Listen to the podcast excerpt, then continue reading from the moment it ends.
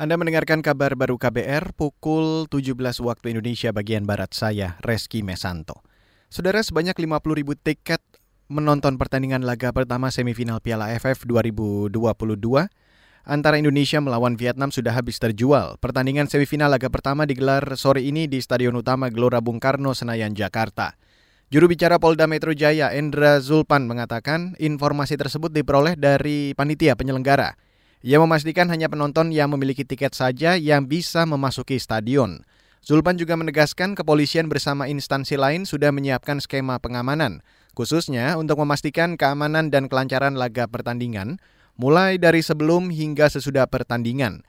Sebanyak 3.600-an personel gabungan TNI Polri dan Pemda DKI Jakarta mendapat tugas pengamanan pertandingan. Selain itu, 200 polisi berpakaian bebas juga diturunkan di dalam dan di luar stadion. Untuk pengamanan di dalam stadion disiapkan 500 orang steward atau pengawas pertandingan sesuai standar Federasi Sepak Bola Internasional atau FIFA. Beralih ke berita selanjutnya, Saudara, Kementerian Ketenagakerjaan merevisi aturan pemerintah mengenai ketentuan upah minimum pekerja. Revisi dilakukan setelah Presiden Joko Widodo menerbitkan peraturan pemerintah pengganti undang-undang atau Perpu Cipta Kerja. Itu disampaikan Dirjen Pembinaan Hubungan Industrial dan Jaminan Sosial Indah Anggoro Putri. Kemudian yang kedua, perubahan substansi berikutnya adalah mengenai upah minimum. Upah minimum ini uh, ada di pasal 88C, 88D, dan 88F. Ini ada di perpunya, ya. Apa yang diatur dalam perpu mengenai uh, ketentuan upah minimum, ya. Ini berubah dari Undang-Undang Cipta Kerja. Betul-betul berubah dari Undang-Undang Cipta Kerja, ya yaitu yang pertama penegasan mengenai syarat penetapan upah minimum kabupaten kota. Dirjen Pembinaan Hubungan Industrial dan Jaminan Sosial Indah Anggoro Putri menambahkan, Perpu Cipta Kerja juga mengatur perubahan formula penghitungan upah minimum.